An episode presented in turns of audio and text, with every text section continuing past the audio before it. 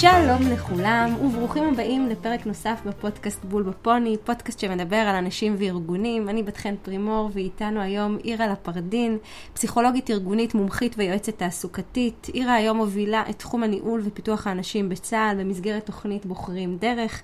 ובחרנו יחד להתמקד אה, בכיצד ניתן לנהל ולפתח אנשים בארגונים. היי מה נשמע? בסדר בת חן, איזה כיף להיות כאן. ממש ממש כיף שאת כאן, והייתי רוצה שלפני שככה אנחנו צוללות יחד, תספרי לנו קצת על הפרויקט של בוחרים דרך. אז בוחרים דרך זו תפיסה חדשה לניהול ופיתוח אנשים, שבעצם פיתחתי בשנת 2018. המטרה של התפיסה היא לייצר eco-system לניהול ופיתוח אנשים.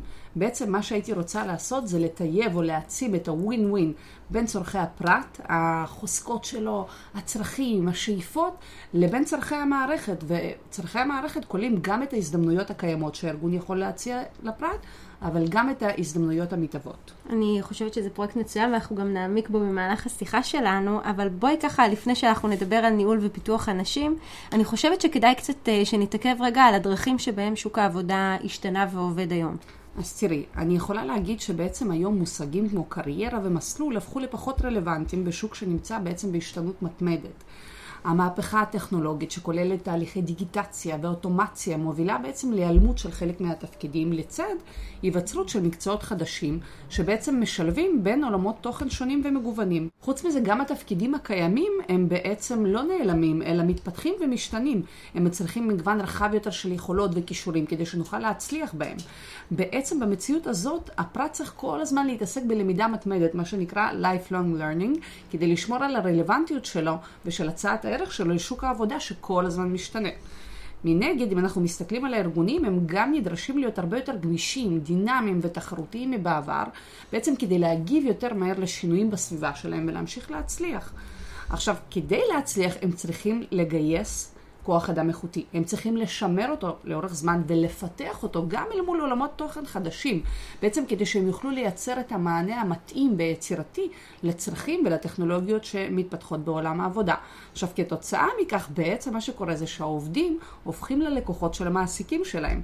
למעשה, אנחנו רואים שחוקי המשחק ביחסים שבין הארגון לעובד משתנים, הרבה מאוד מחקרים מראים את זה, וארגונים אה, הופכים לסוג של מוצרים על המדף שמתחרים על תשומת לב העובדים שלהם, גם הקיימים, אבל גם הפוטנציאליים.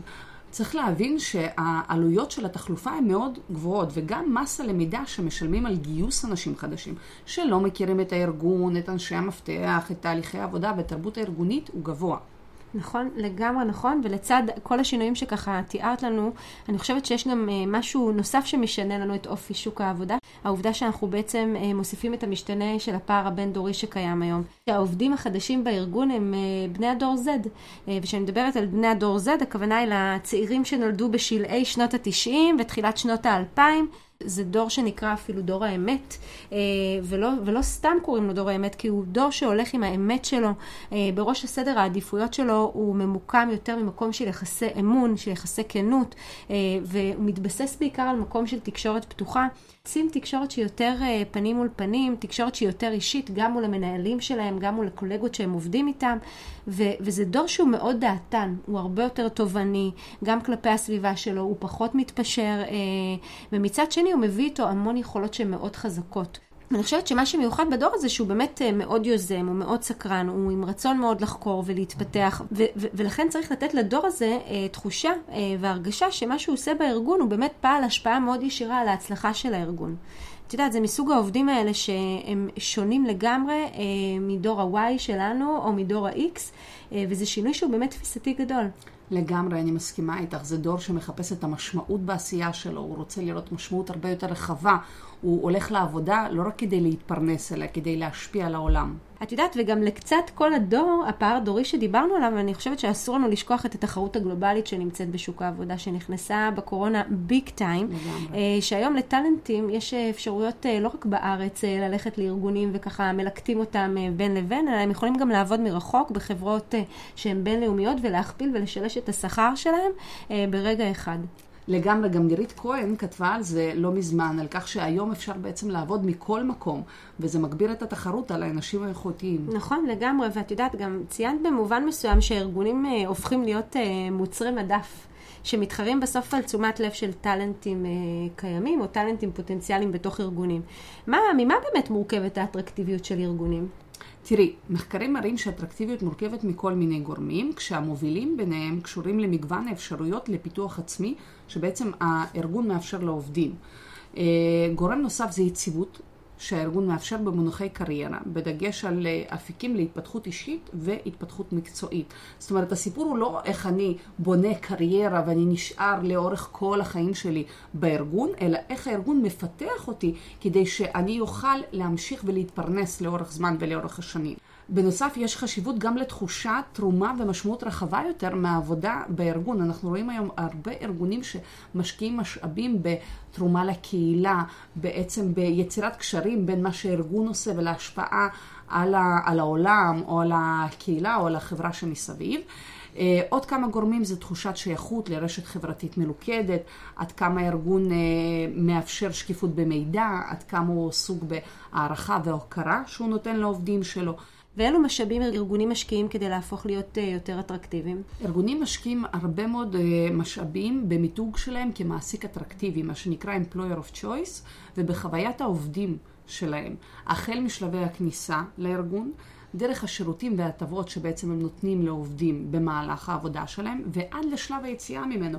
היום ארגונים משקיעים מאוד גם בתהליכי ה off-boarding, כדי בעצם להראות שאנחנו דואגים לך לא רק לצרכים שלנו, אלא גם אם אתה עוזב אותנו, אנחנו נדאג לך. הסיפור הוא שארגונים כבר לא יכולים בעצם להציע ביטחון תעסוקתי לעובדים שלהם. רוב האנשים הרי לא עובדים באותו המקום עד הפנסיה. נכון. ולכן היום ארגונים הרבה יותר מתמקדים בהרחבה והעלאה של הצעת הערך של הפרט, באמצעות כל מיני פלטפורמות שמאפשרות למידה מתמדת בתהליכי התפתחות, גם אישית וגם מקצועית. עכשיו, לכן הארגון שואל את עצמו היום, איך אני מושך את ההון האנושי הנדרש והמתאים לי? איזה משמעות אני יכול לייצר לו, איזה חוויות אני יכול לתת לו, איך אני יכול למצות את הפוטנציאל של האנשים ולשמור על המחוברות שלהם לארגון לאורך זמן. אני חושבת שהיום אנחנו רואים יותר ויותר ארגונים שמנסים לאפשר לעובדים שלהם להתפתח ולהתקדם לא רק בסולם ההיררכי או המקצועי, אלא גם לרוחב, לתחומים שנתפסים על ידי הפרט כמעניינים או מפתחים. אני חושבת שזה מתחבר ככה למושג של קיר טיפוס לעומת אה, סולם. תקשיבי, ממש אהבתי את הדימוי אה, קיר טיפוס, זה פשוט דימוי אה, מעולה. בואי רגע נתעכב עליו, תסבירי אותו קצת. מה זה אומר קיר טיפוס? אוקיי, okay, אז ככה שמעתי על המושג הזה מנירית כהן ובהרצאות של AKT, ובעצם אה, זאת סוג של פריזמה שאנחנו יכולים להסתכל דרכה על ההתפתחות. קיר טיפוס בעצם אומר שההתפתחות היא פרסונלית ודיפרנציאלית. אין דרך אחת שהיא נכונה לכולם באותו נקודת זמן להתפתחות. אוקיי? ולפעמים בתוך קיר הטיפוס שלנו אנחנו צריכים לזוז הצידה, או אפילו לרדת למטה, כדי שאחר כך נוכל לטפס למעלה בנתיב שהוא מתאים לנו. עכשיו, הנתיב הזה להתפתחות מושפע גם מהכישורים והיכולות שלנו, מה שאנחנו מביאים בעצם בארגז הכלים שלנו. הוא מושפע גם מהשאיפות שלנו להמשך, שהן גם יכולות להשתנות במהלך הקריירה ובמהלך החיים, לא רק במשבר אמצע החיים, והוא גם מושפע מהצרכים של עולם העבודה. איזה ידע וניסיון ארגונים מחפשים לתפקידים שמעניינים אותי? אילו יכולות וכישורים נדרשים כדי לקבל ולהצליח בתפקיד? בעצם השאלות האלה וההבנה העמוקה של מכלול הדברים האלה יעזרו לי רגע לתכנן את נתיב ההתפתחות שלי. בהקשר הזה, ככל שארגונים יצליחו לייצר פלטפורמות רחבות וגמישות יותר להתפתחות, או בעצם קיר טיפוס גדול ומגוון יותר, mm-hmm. ככה הם יהפכו לאטרקטיביים יותר עבור מגוון רחב יותר של אנשים בשלבים שונים בתהליך ההתפתחות שלהם. עכשיו, חשוב לי להדגיש שהפלטפורמה הזו יכולה לכלול לא רק תפקידים, שאפשר להגיע אליהם מכל מיני מקומות שונים, אלא היא צריכה גם לכלול התנסויות, פרויקטים, צוותי משימה אד-הוקים, תהליכים חוצי ארגון, וכל מיני דברים שיכולים עוד פעם לעזור לי לפתח יכולות וכישורים שהם רלוונטיים עבורי, שאני רוצה לפתח. האתגר הוא בעיניי זה גם להנגיש את כל המגוון הזה, את כל ההזדמנויות האלה לכמה שיותר אנשים, כדי לאפשר מיצוי מיטבי של ההון האנושי, ובעצם להגדיל את פוטנציאל הווין ווין בין צורכי הפרט לבין צורכי המערכת, גם בטווח הקצר וגם בטווח הארוך. עכשיו, זה קטע שהוא נורא נורא חשוב. הסיפור פה זה לא רק איך אני עושה פלטפורמות ונותן לפרט להתפתח ואני מתעלם מהצרכים שלי, נכון. אלא להבין איפה הפרט נמצא, ואז לעשות חיבור בין המקום שבו הוא נמצא בשאיפות שלו לבין הצרכים של המערכת. הווין ווין זה בעיניי האתגר המרכזי. מדהים, אהבתי ממש את הקיר טיפוס, ואת יודעת שדיברת כאן אה, ותיארת לנו אותו, זה ממש מתחבר לי עם הגישה שעוסקת בכל ההיבט של האופטימיזציה של ההון האנושי בארגון. איך אתה גורם אה, לאנשים אה, בארגון שלך להתעניין בתוך הארגון, לרצות להיות בו מההתחלה, בטח בשוק התחרותי שדיברנו עליו, וה, אה, והשוק הגלובלי שקיים היום, ובסוף אתה רוצה שאנשים האיכותיים שנשארים אצלך, יישארו אצלך מתוך בחירה. ואת יודעת, כאילו, הקיר הטיפוס הזה בעיניי אה, יכול לסייע משמעותית להקטין אה, אה, בארגון את האנשים שעוזבים, את הנשר הגדול שקיים, או לזהות את העובדים האלה עם ההתפתחות המקצועית הטובה יותר, להתפתח גם לתפקידים אחרים. מה שחוסך בדרך כלל אה, בארגון לא מעט זמן התאקלמות, הרי לוקח לפחות חצי שנה שאתה קולט עובד עד שהוא באמת מבין את המטריה, את התרבות, את המערכת, את המקצוע, את החומר, וזה באמת מטייב גם את תהליכי המיון. תחשבי כמה אנרגיות מיוניות מושקעות מאיתור אנשים מההתחלה, שברגע אתה בא ולוקח את האנשים, כמו שאמרת, בקיר הטיפוס הזה, ואתה מזיז אותם ימינה או שמאלה, אז אתה כבר 50% מתהליך המיון כבר חסכת, אה, ובסוף אתה גם מעלה את השביעות הרצון של העובדים שלך, כי אתה אה, נותן להם תחושה של פיתוח של קריירה, שהארגון הוא יותר גמיש מחשבתית, והוא מזהה את הצורך של הפרט, ונותן לו איזשהו תפנית בעלילה בהיבט הזה. לגמרי, זה גם תחושת שליטה ואוטונומיה, שהם מאוד מאוד חשובים. ממש ככה. ולצד כל זה, גם תיארת פה איזשהו תהליך מדהים של ג'וב קרפטינג. בסוף אה, אנחנו אה, בונים אה, מחדש את התפקיד של אותו, של אותו עובד, אנחנו בעצם מבססים את היכולות המדהימות שלו, ואנחנו יכולים לראות את זה מאוד חזק אם אנחנו מצליחים לעשות את התפנית הזאת בארגונים שהם יותר תבניתיים, ארגונים שהם יותר ציבוריים, ששם הגמישות, הגמישות שם היא מאוד קריטית כדי לשמר את הכוח האדם שלהם, במיוחד בשינויים שתיארת לנו כאן בשוק העבודה. אז תגידי, אירה, מה, מה באמת הרווחים של הארגון בפיתוח אנשים? אז תראי, ברגע שארגון אה, משקיע בפיתוח האנשים שלו, ולא רק לצרכים המיידיים, הוא למעשה מעלה את הערך התעסוקתי שלהם לעולם העבודה שמשתנה. ובכך הוא בעצם מייצר עבורם יציבות גבוהה יותר במונחי קריירה. כלומר, אם מה שאני עושה היום מקדם אותי לשלב הבא בקריירה שלי, אז למעשה אין לי לחץ לעזוב, כי אני אה, לא... זה הווין ווין שתיארת. בדיוק, כי אני לא מבזבזת את הזמן שלי, אלא אני מרוויחה מההישארות. זאת אומרת, יש פה איזה הפוך על הפוך. בנוסף, אה, אם הארגון מצליח לחבר בין צורכי ההתפתחות של האדם למשימות שהוא עושה ולתפקיד שלו, כלומר, זה בעצם הג'וב קרפטינג שמחבר לצורכי הארגון, הוא גם מגדיל את טווח האפקטיביות של העובד. נכון. כי כשאני מסתכלת על המשימות שלי דרך פריזמה של למידה, התפתחות, צבירת כישורים ומיומנויות, זה מעורר בי הרבה יותר עניין, התלהבות, סקרנות ותשוקה, לעומת הרצון לסמן וי על איזושהי משימה שהמנהל נתן לי ולעבור הלאה. את יודעת, זה כמו בכל מערכת יחסים. כשאנחנו מרגישים שמשקיעים בנו, רואים אותנו ואכפת מאיתנו, ולא רק בצורה שהיא תועלתנית ואינטרסנטית גרידה, אנחנו מפתחים גם אכפתיות כלפי מי שאכפת לו מאיתנו, ואנחנו נכון. רוצים להשקיע בחזרה. בעצם נוצרת כאן איזושהי דינמיקה של הדדיות. עכשיו, גם אם אני לא אשאר בארגון עד הפנסיה. בשנים שאני כן נמצאת בו, אני אשקיע, אני אפגין מסירות ואני אהיה מאוד מאוד אפקטיבית, וזה הסיפור של המחוברות בעיניי. וגם היום ארגונים לא מחפשים אנשים שיישארו עד הפנסיה, להפך, הם בעד לייצר איזשהו גרעין חזק ולייצר כל פעם התעוררות מחודשת בתוך הארגון. את יודעת, לא מזמן אה, פורסם אה, סקר בדה מרקר, שאני עוקבת אחריו כל שנה, שהוא בעצם אומר מה הדברים שחשובים לאנשים בשוק העבודה היום, וכבר ארבע שנים ברציפות הפרמטר החשוב ביותר לעובדים זה יחסי עבודה, וזה עניין שאני חושבת שאנחנו לא יכולים להקל בו ראש, אה, במיוחד על כל הנרטיב של השיחה הזאת שלנו פה, כי נכון. בסוף אנשים מעדיפים להיות בסביבה, במערכת יחסים טובה, גם אם זה בתוך העבודה וגם אם זה בחיים האישיים שלהם, וחשוב, וחשוב להם מאוד שיכבדו אותם ושיעריכו אותם, אה, וחשוב להם מאוד להיות משמעותיים ושיתייחסו ברצינות לפניות שלהם.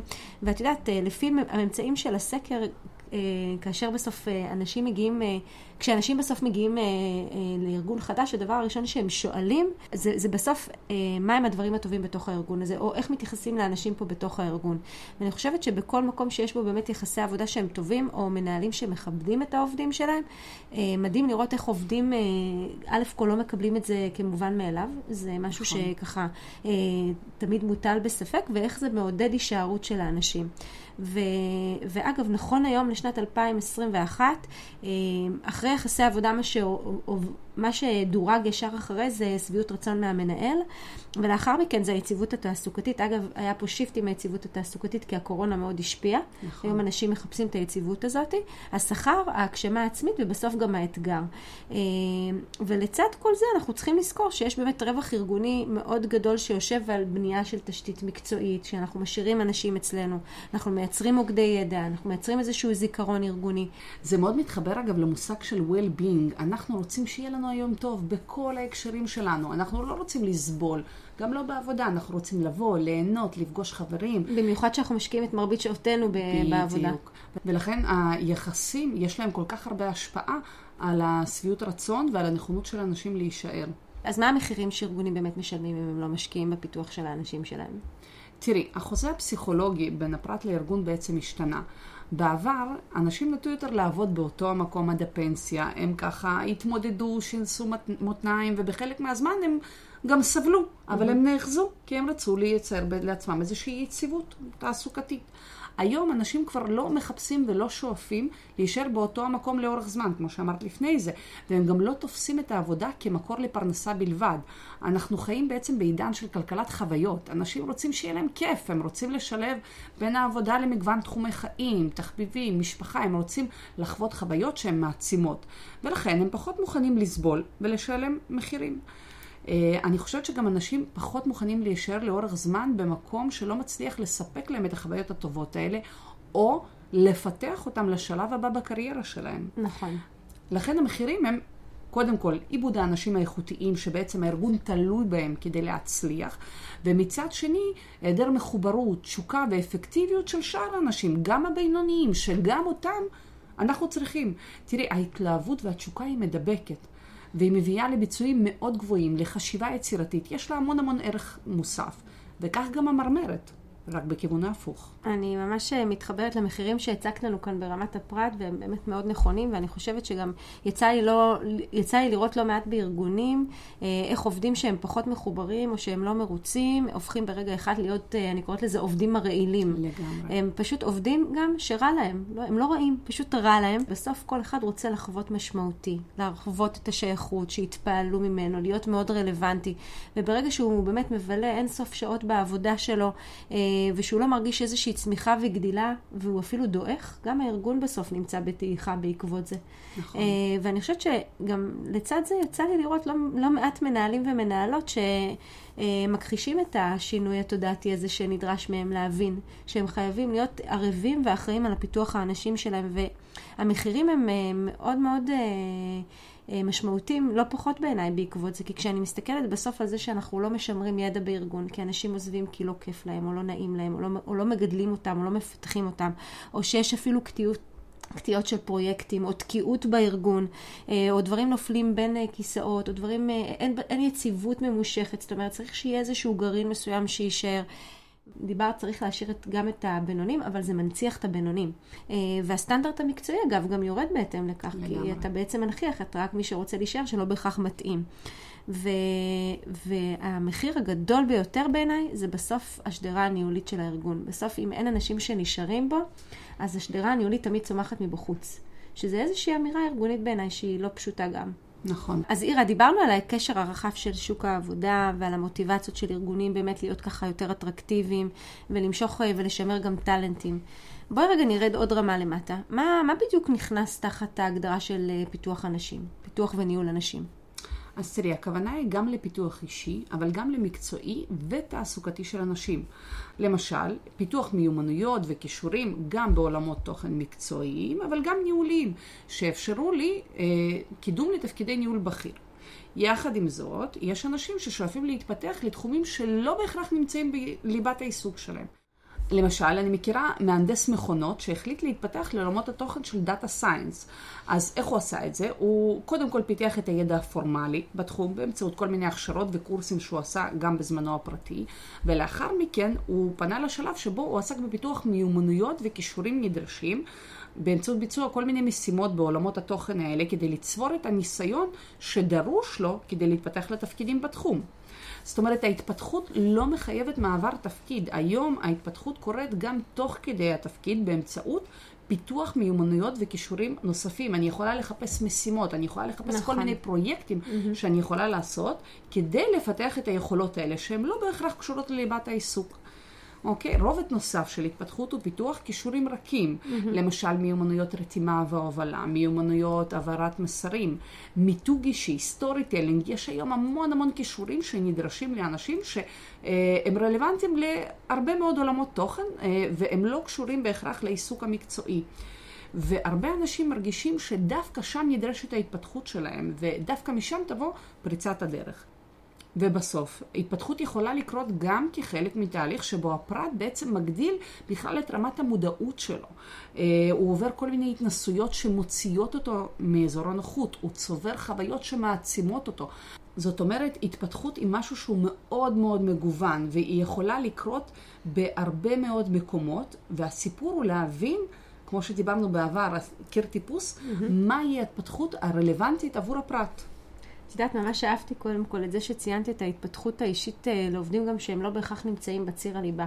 היום ארגונים, אה, יש להם נטייה אה, לשפוך המון משאבים והמון כספים לטאלנטים שלהם כדי לייצר עתודה ניהולית לטווח נכון. הארוך, או כדי לשמר את הכוכבים. ויש פה משהו בזה שאנחנו בעצם אומרים שהיא לא בהכרח לטאלנט, שהיא בעיניי מבשרת כאן איזושהי בשורה תודעתית נורא נורא חשובה.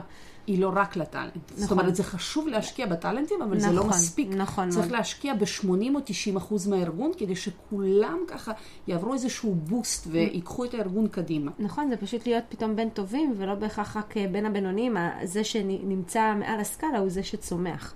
ואני יודעת, אני חושבת שיש משהו בעובדה הזאת שארגון אה, בסוף רואה את הפרט, את הפרט שלו, ושהמנהל בסוף אה, רואה את האנשים שלו ומכיר את הערך שבהם, הוא מראה שהוא באמת רואה אותם, ושהוא ככה באמת רוצה לחזק גם את תחושת החוסן שלהם. אני, כששמעתי אותך מדברת, חשבתי על כמה תחושת מסוגלות אתה מייצר אצל האנשים שלך, וחוסן מנטלי גבוה לכל תרחיש שיהיה, אחרי שאתה ככה מפתח את האנשים שלך. ואני חושבת שזה...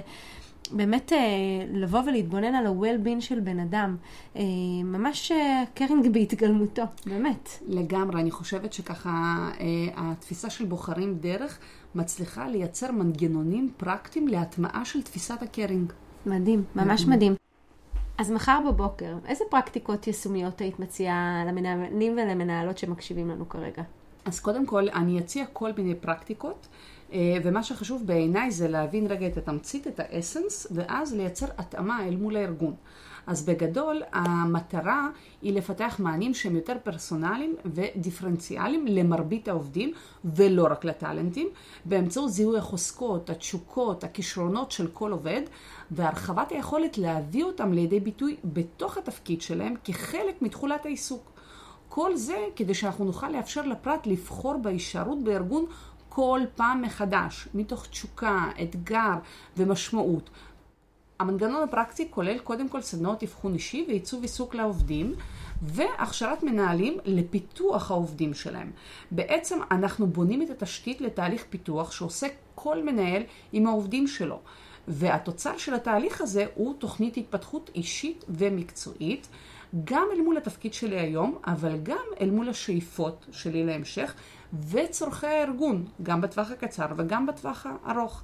המטרה בסוף היא לטייב בעצם את ההתאמה, כמו שאמרתי לפני זה, בין הפרט בהיבטי צרכים, מוטיבציות, חוזקות ושאיפות, לבין ההזדמנויות שהארגון יכול להציע לו, גם הקיימות וגם המתהוות, כי העולם הרי משתנה כל הזמן בצורה מאוד מאוד מהירה.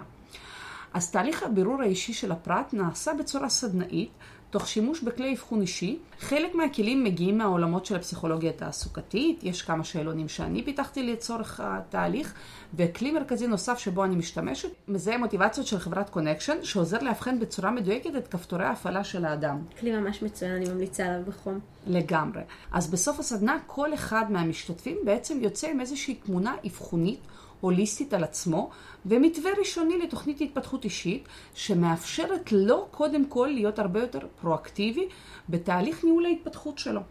החלק השני הוא הכשרה למנהלים, שבעצם כוללת התנסות עם כלי האבחון ותרגול של ניהול שיח פתוח ומפתח. למעשה השיח הזה מאפשר למנהל לראות את העובדים שלו בצורה הוליסטית ורב-מימדית, ולתת מקום לצרכים שלהם ולחוזקות ולמוטיבציות שלהם תוך כדי ביצוע התפקיד. בנוסף, במהלך ההכשרה אנחנו נותנים להם כלים מעולמות ה job crafting, מה שהזכרת לפני זה, כדי שהם יוכלו בעצם לבנות תוכנית התפתחות אישית לכל עובד, וגם כלים מעולמות ה mentoring, שחיוניים בעצם לקיום תהליך פיתוח איכותי. Mm-hmm. חשוב לי גם לציין שמאחורי הקלעים אנחנו עושים עבודה מאוד משמעותית עם ההנהלה הבכירה, בעצם כדי לייצר ecosystem שלא רק מאפשר, אלא גם מעודד תהליכי התפתחות. תוך עיצוב מנגנונים ארגוניים שיכולים לחבר בין האנשים והצרכים והכישורים והתשוקות שלהם לבין המשימות, הפרויקטים, התהליכים וההזדמנויות ללמידה ולהתפתחות, גם הקיימות, אבל גם העתידיות. את יודעת, אירה, אני, אני חושבת שההתערבות שהצגת לנו כאן, היא יושבת פה על אה, שלושה מעגלים מרכזיים שבעיניי הם מקסימים. הראשון זה באמת הפרט, את מדברת כאן על חיזוק של מיומנויות אה, כוח ולזהות ככה מוטיבציות וחוזקות, גם שלי כבן אדם וגם שלי כש, כעובד, ויש כאן את כל ה, אה, המעגל השני שמדבר פה על המנהלים, איך אנחנו כמנהלים ומנהלות, אה, יש לנו אחריות אה, לתת אה, כלים אה, לעובדים שלנו ולעזור להם אה, לצמוח ולהתפתח ולהרגיש יותר משמעותיים, וזה באמת אה, דרך פרקטיקות אה, שהן מאוד אה, בעיניי ישימות. אה, אה, למחר בבוקר. את יודעת, ממש המנהל הופך להיות מאמן. אה, מאמן אישי. לגמרי. והמעגל השלישי כאן מדבר באמת על האקו-סיסטם הארגוני הזה, שמדבר על פלטפורמות ארגוניות שתומכות את כל התהליך הזה, ואני חושבת שזה פשוט מקסים. שאפו ענק. מאוד מאוד נראית תוכנית אה, מדהימה, ואני באופן אישי גם חייבת להודות שאנחנו מכניסים אותה לארגון שאני עובדת בו, כי אנחנו חושבים שהיא יכולה להיות מאוד משמעותית ותורמת, ואני מאוד אוהבת את זה שהיא משלבת גם את המנהלים כשותפים לכל התוכנית הזאת, ולא רק אנשי מקצוע מומחים. תודה. אז אה, רק חשוב לי לציין שבעצם פיתחתי את התוכנית הזאת לא לבד, אלא היו לי המון שותפים, אה, גם אה, מפקדים בצה"ל שעזרו לי לעצב את המנגנון הנכון, וגם הרבה מאוד אנשי מקצוע שליוו אותי לאורך כל התהליך, ארגונים שלמדתי מהם, אז אני חושבת שיש פה המון המון ידע שהתפתח והשתכלל, והיום אני מקווה שגם כל ארגון שלוקח את התפיסה ומטמיע את זה אצלו יוכל להמשיך ולפתח את הידע, לשכלל את המנגנון. ולייצר מענים יותר ויותר חדשניים. אין לי ספק שהבסיס שאת מקנה כאן הוא עצום, והוא יהווה תשתית נהדרת אה, להמשך הדרך. אז אירלה, היה לי ממש כיף ומלמד. לי, איזה כיף. ותודה רבה לך. תודה לך על ההזדמנות, היה לי כיף. גם לי. להתראות. ביי.